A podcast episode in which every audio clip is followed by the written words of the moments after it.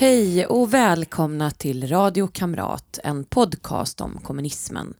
Jag som pratar heter Rebecka Weidmo Uvell och är moderat opinionsbildare. Jag är även kandidat till riksdagen för Moderaterna i Stockholms stad. Vill ni se mig i riksdagen och bor i Stockholms stad? Gå med i Moderaterna och kryssa mig i höstens provval för medlemmarna. Jag måste kryssa mig in till plats 1 7 för att ha en chans. Syftet med Radio Kamrat är att fylla det hål av kunskap om kommunismens förtryck som finns och som gör att kommunister trots all fakta ändå anses rumsrena. Jag vill med poddserien därför folkbilda och kommer sända varje onsdag till valet 2022. Podden har ingen finansiering och inga annonser, så jag är helt beroende av er lyssnare. Vill ni stötta mitt initiativ om folkbildning om kommunism kan ni bidra genom att swisha till 123 444 5847. Eller ännu hellre så blir ni Patreon på patreon.com och sök efter Rebecca Weidmo så hittar ni mig där. Sponsra med 10 kronor per månad och uppåt.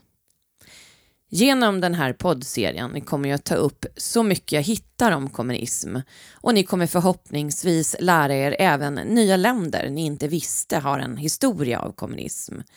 Ett av dessa länder ligger på Afrikas östkust. Välkommen till Etiopien.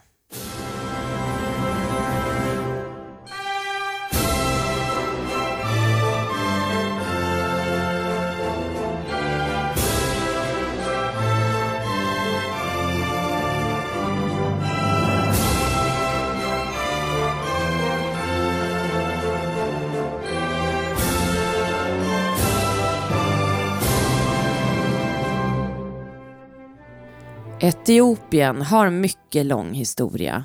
Men är likt den första grundade landet redan på 100-talet före Kristus och det var under mycket lång tid en monarki.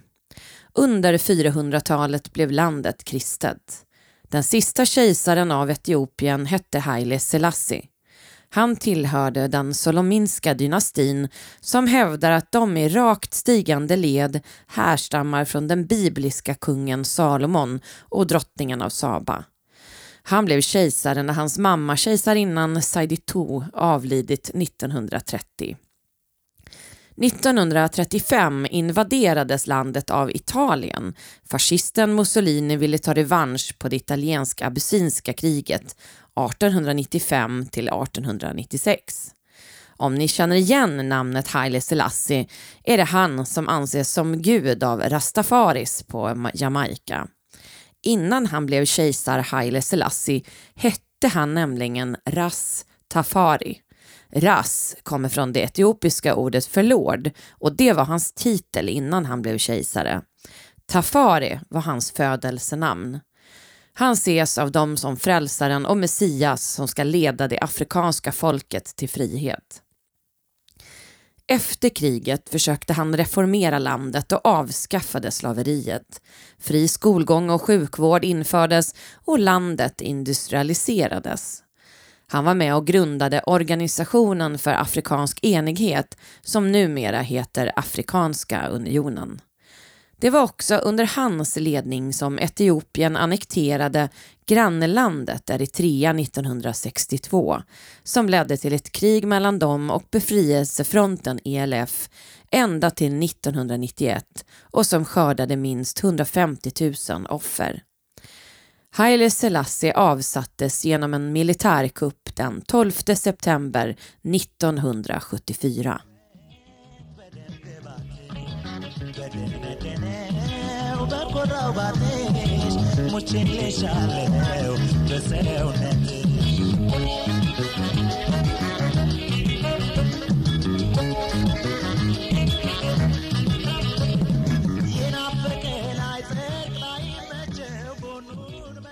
Mengistu Haile Mariam hette han som var med och avsatte kejsaren.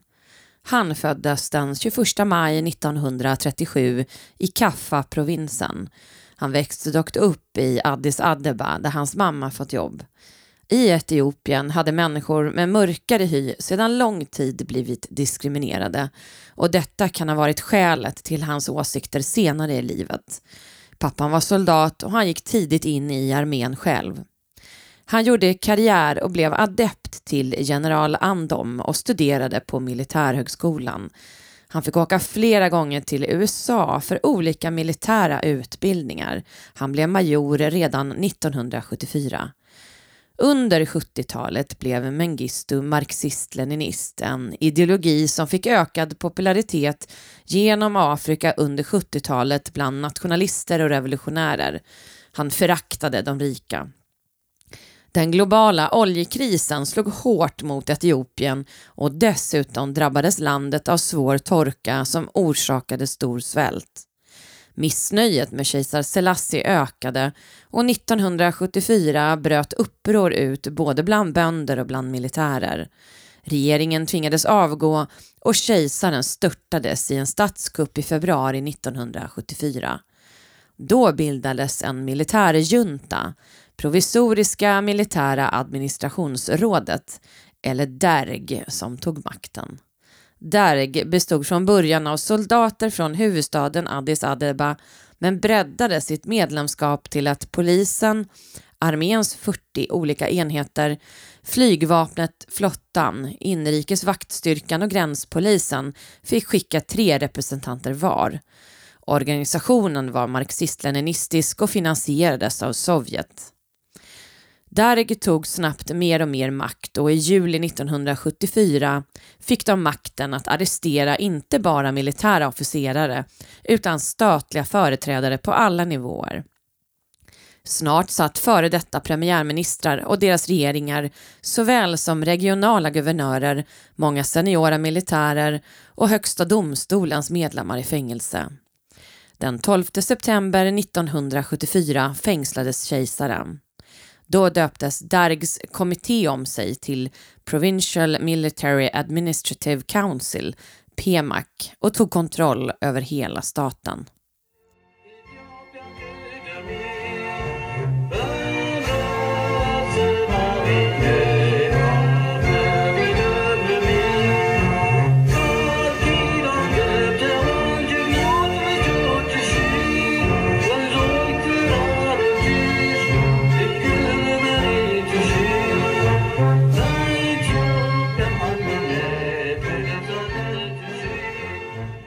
Derg började direkt införa olika socialistiska reformer och en av dem var att likt Pol Pot skicka intellektuella till landsbygden.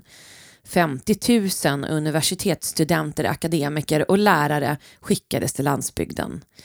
Men mellan 1976 och 1977 uppstod häftiga konflikter mellan olika konkurrerande marxistiska grupper. Den största konkurrenten till Derg var ERPRP, Ethiopian People's Revolutionary Party. I september 1976 fängslades och avrättades EPRP-gerillamedlemmar samtidigt som gruppen dödade anhängare och representanter för Derg. Denna period kallas vit terror. 1977 blev överstelöjtnant Mengistu ny ordförande i juntan och då sa han att alla fiender till revolutionen skulle ställas till svars. Han höll ett brandtal på ett torg i Addis Abeba där han bland annat sa Death to counter-revolutionaries, death to the, the EPRP.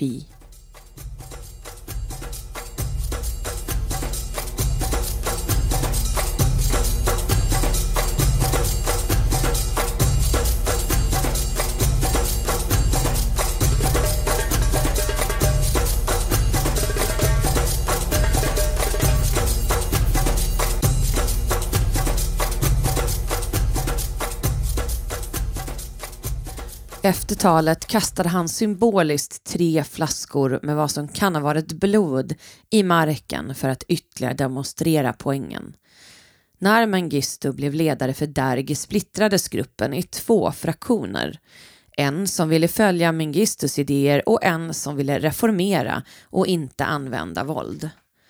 Han sopade bort sina politiska motståndare i Darg när han under ett möte i palatset den 3 februari 1977 plötsligt lämnade rummet med sina anhängare och lämnade kvar den andra gruppen. Sedan stormade livvakter in i rummet med automatvapen och tillfångatog de sju som satt kvar. De fördes till källaren och Mengistu anslöt och hjälpte till att mörda dem. Det etiopiska inbördeskriget startade som varade ända till 1991 och det var under den här perioden Mengistu fick sitt smeknamn, Butcher av Addis Abeba. Sedan vände han sitt fokus till befolkningen. Han sa till sina anhängare It's an historical obligation to clean up vigilantly using the revolutionary sword. Your struggle should be demonstrated by spreading red terror in the camp of the reactionaries. Perioden röd terror inleddes när Darg försökte utplåna motståndet. ፋሽስታዊ የሆነ ወረራ በሚያካሄዱና የመስፋፋት ዓላማ ባላቸው የሶማሌ መንግስትና የጦር ኃይሎቿ መካከልና ተከላካይ በሆነው በኢትዮጵያ ሰፊ ህዝብ መካከል ባለው ትግል det ni hörde var ett ljudklipp från ett av Hailes tal. Derg började beväpna civila för att skapa egenkontrollerade medborgargarden och när de ansåg att gruppen var tillräckligt stor skickades alla ut att gå från hus till hus för att leta efter EPRP-medlemmar den 22 mars 1977. Hundratals skickades utanför städerna och avrättades direkt. Andra dödades av Dergstyrkor på gatorna som med sonika öppnade eld. Tusentals av landets bäst utbildade unga personer antingen dödades eller tvingades till exil. Så många som hundratusen dödades. Tusentals fängslades och torterades. Oftast var det byråkrater eller universitetsstudenter. Element av röd terror lånades av Maos kulturrevolution i Kina som börjat ett decennium tidigare. Han riktade fokus mot dem han ansåg vara bourgeoisie. Många unga etiopier dödades. Våldet riktades också mot handlare och distributörer av säd som anklagades för att bidra till svälten som drabbade landet regelbundet och de sågs som klassfiender. Många intellektuella och företagare flydde landet för att undkomma Mengistus terror. Den 4 mars 1975 lanserade Darg sin landreform med sloganen Land to the Tiller. Tiller betyder brukare av land och all mark förstatligades. Man förbjöd arrende och satte bönder som ansvariga för allt. Målet var att utmejsla en efter Sovjet modellerad socialistisk stat. in Gunba Basra.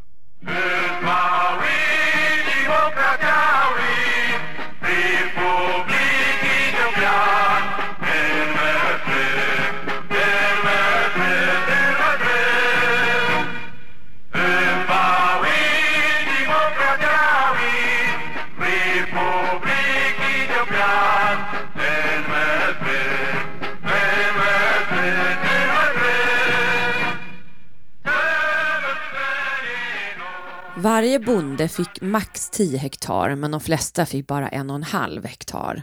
Alla företag förstatligades, också banker, försäkringsbolag och hela den ekonomiska basen slogs därmed ut.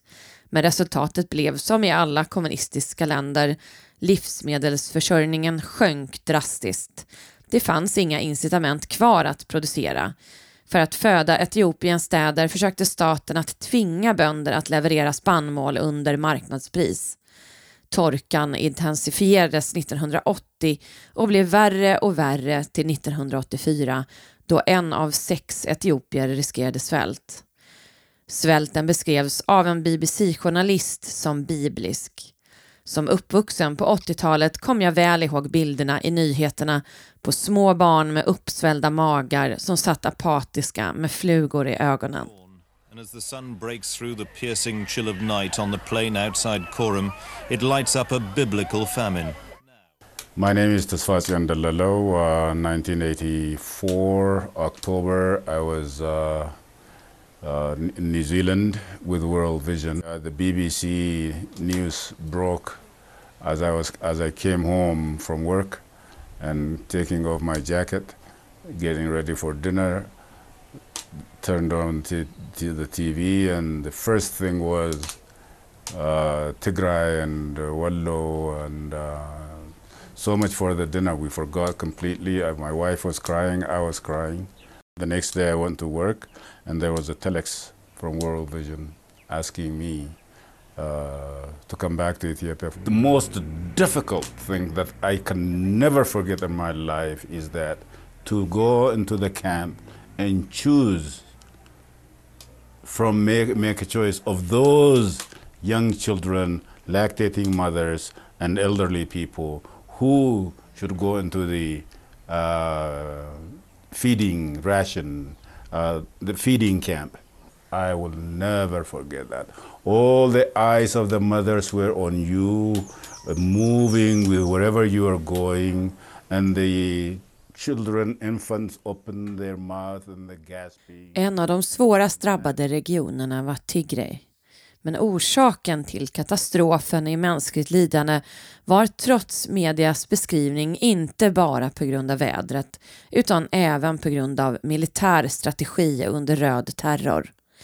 Från 1980 och framåt stöddes 85 procent av befolkningen i regionen Tigray gerillan Tigrayan Liberation Front, TPLF, som var en av flera rebellgrupper som kämpade mot Derg. Så Derg bombade skolor, marknader, byar och förstörde livsmedelsförråd, brände skördar och flyttade på bönder. Mengistu straffade området genom att helt enkelt hindra matbistånd till regionen när svälten tilltog.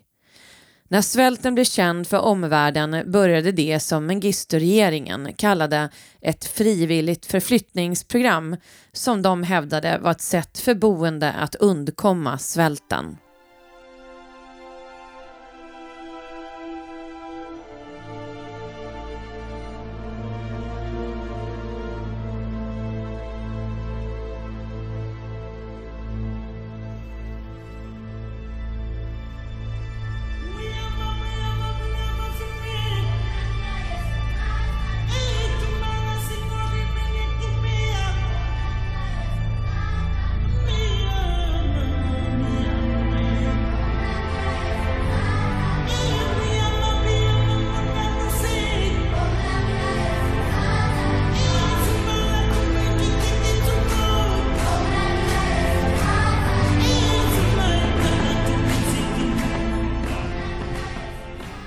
Hade redan 1984 beslutat att förflytta minst en och en halv miljoner människor.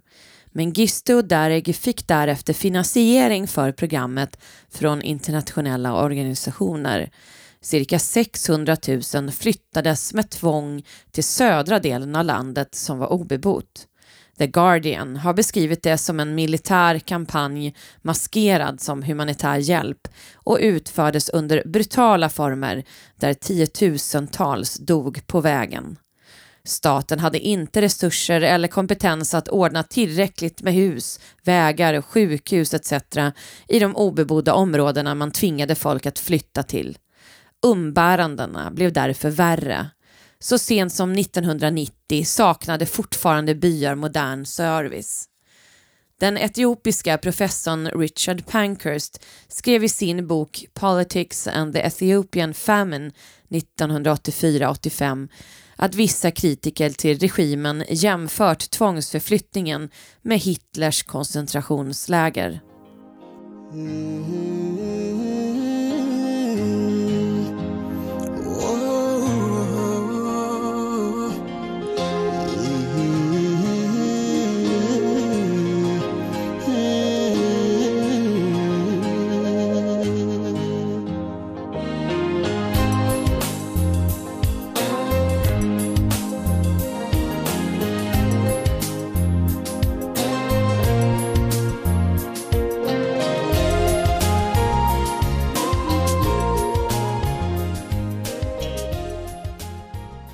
–1987 återupptog Mengistu programmet och hade då ambitionen att minst 7 miljoner skulle flyttas. 100 till 200 000 personer flyttades innan 1988 då programmet lades ner igen. Mengistu hävdade att programmet skulle lösa landets återkommande problem med torka och ta bort pressen på de norra delarna där marken blivit hårt brukad. 5,5 procent av de som tvångsförflyttades dog sen av svält eller tropiska sjukdomar. Minst 14 procent flyttade tillbaka. Mellan oktober 1983 och 1985 dog uppskattningsvis en miljon människor av svält enligt FN. En del orsakade av Mengistu. እንዴት ከፍላለው ችዬ እኔ አንቺን ውለታማ ብርሃን የሆንሽኝ ለኔ በርተሽ እንደ ሻማ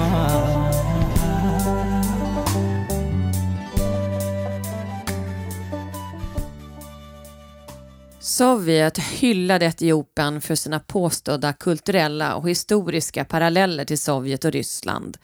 Moskva sa att landet hade bevisat att ett bakåtsträvande samhälle kunde bli revolutionärt genom att anamma ett leninistiskt system. Etiopien blev Sovjets närmaste allierade i Afrika och genom Derg blev landet det bäst beväpnade landet i regionen. Den militära hjälpen kom förutom från Sovjet från DDR, Kuba och Nordkorea. Mellan 1977 och 1990 hade Derg fått 13 miljarder dollar i stöd från Sovjet totalt, framför allt i form av militärhjälp. Redan i december 1979 hade marxisten Mengitsu bildat Kommissionen för organisering av partiet för Etiopiens arbetarklass COPVE, en temporär politisk organisation i syfte att skapa ett riktigt parti. Andra föreningar skapades också som Revolutionära Etiopiens ungdomsförbund i hopp om att eliminera sekterism och bygga en bred bas av arbetarklassintressen, det vill säga kommunism.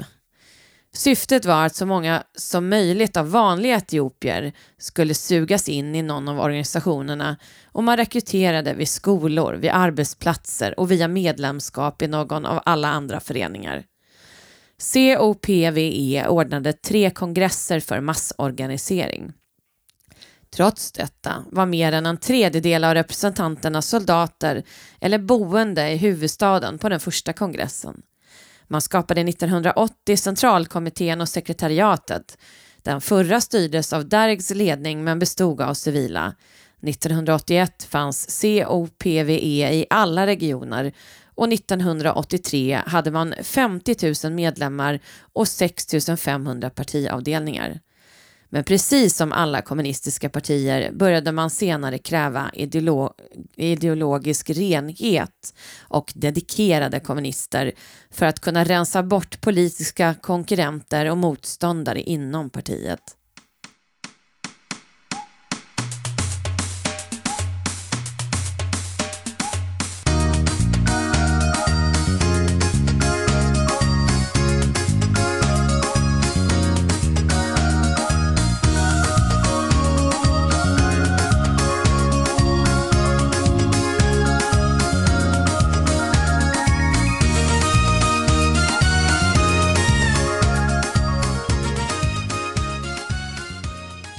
1984 bildades Etiopiens arbetarklassparti, WPE, på årsdagen då Darg kom till makten. COPVE avvecklades och Mengistu blev partiledare med titeln generalsekreterare.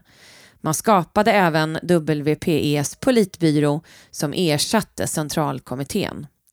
1987 stiftades konstitutionen som slog fast att WPE var det härskande partiet man döpte också om Etiopien till Demokratiska folkrepubliken Etiopien. Partiet fick mer makt än staten, som i alla kommunistländer. Lokala ledare fick i princip leda fritt så länge politiken inte stred mot partiets vilja. 1991 lyckades rebellgrupperna genom att de enades i Etiopiska folkets demokratiska front, EPRDF, störta Mengistu efter 17 års inbördeskrig. Han flydde till Robert Mugabe i Zimbabwe där han fann en fristad. Mengistu och andra höga ledare för Derg åtalades 2017 i krigsförbrytartribunalen i Haag för röd terror. Han var då 63 år gammal men förnekade alla anklagelser. Etiopien hade då redan dömt honom till dödsstraff i exil. Han misstänks för att beordrat att döda så många som 100 000 personer under sin regim. Men han åtalades för 5 198 mord. Många av dem hölls upp till sex år i fängelse utan att anklagas och dömas. Det finns siffror på 500 000 döda under hans regim.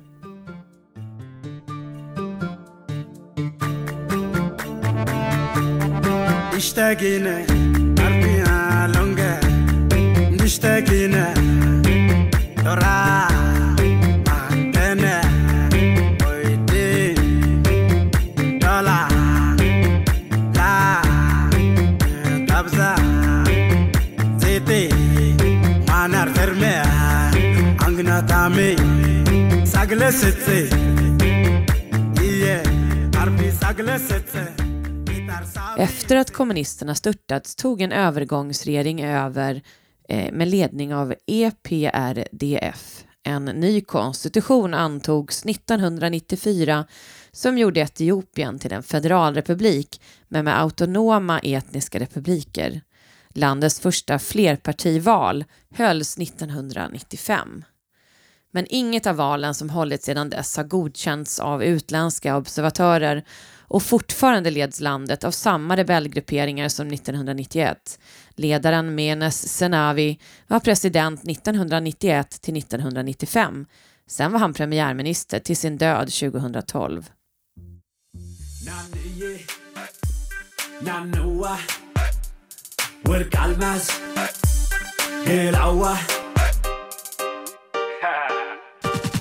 ከውቤ በረሃ ወደ ካባ ኩራት እንደ ተኮላውር ከሩቅ እያበራል እንዋደድ ልብር ሰው ነው ያፈራራል እንዋደድ ልብር ከነው ያፈራራል ታዲያ ላልጠገነው ባቡሩ ሰባራ። አርባ መዳቂ ነገር ደንባራ Svältkatastrofen blir känd för omvärlden 1985 och den 13 juli 1985 arrangerades välgörenhetskonserten Live Aid. En konsert på Wembley i London med 72 000 deltagare och på JFK Stadium i Philadelphia med 90 000 sågs av 400 miljoner personer globalt. Den 24 november 1985 spelade en temporär grupp bestående av en massa kända artister som döpte sig till Band Aid in en jullåt för att samla in pengar till Etiopien. En och en halv miljard samlades in.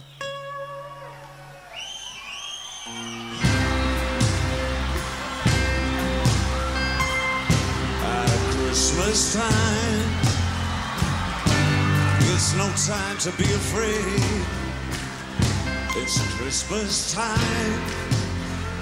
Letting light vanishing. And in our world of plenty, we can spread a smile of joy.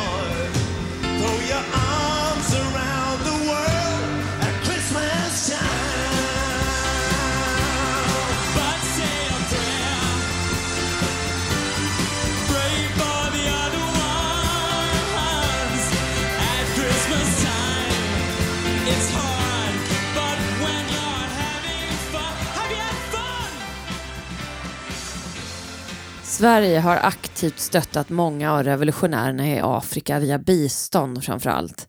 När Olof Palme och Socialdemokraterna använde FNL-rörelsens engagemang och politiska dragningskraft till att aktivera människor som inte tidigare varit politiska startade ett fokus i svenska vänstern som vände sig mot inte minst Afrika.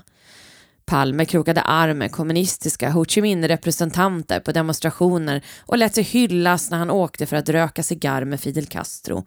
Och på svenska UD och i regeringen började man engagera sig för det som benämndes som frihetsrörelser i Afrika, ett annat namn för revolutionära kommunister.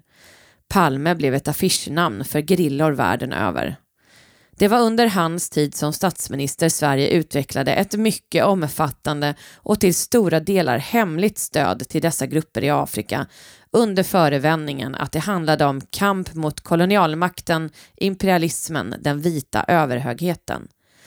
Man blev indirekt en bulvankompis med Sovjet som också stöttade de kommunistiska gerillagrupperna över hela Afrika.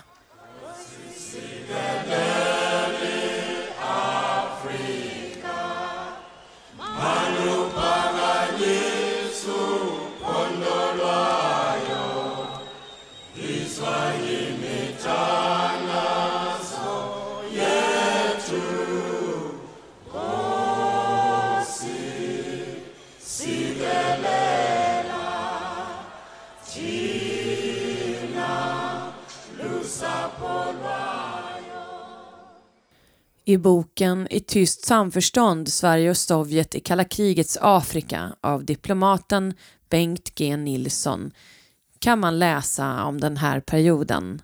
Han skriver bland annat Sveriges delaktighet var aldrig oskyldig. Den var aktiv och substantiell.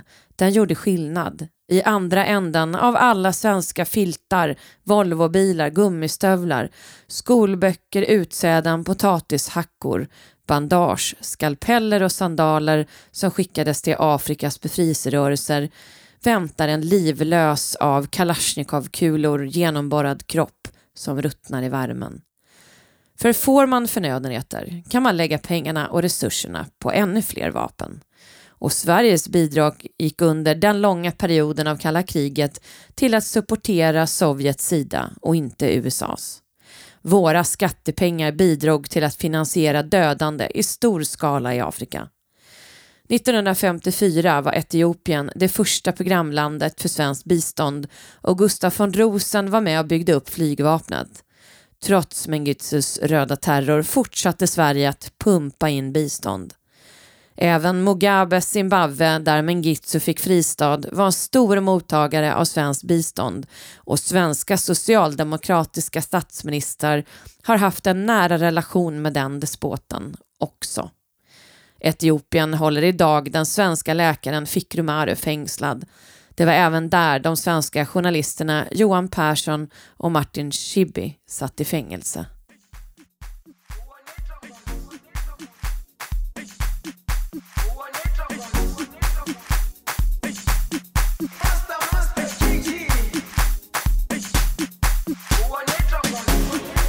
Jerusalema ikhaya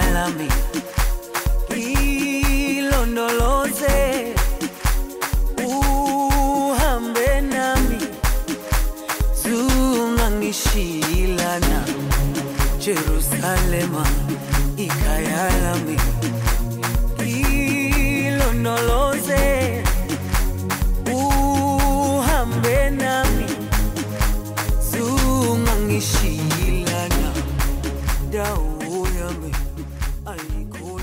Nu vill jag bara säga tack för att ni lyssnat. Vill ni bidra till upplysning om kommunismen? Bli Patreon på patreon.com och sök efter Rebecka Weidmo Uvell. Sponsra från 10 kronor per månad och uppåt. Tack och på återseende.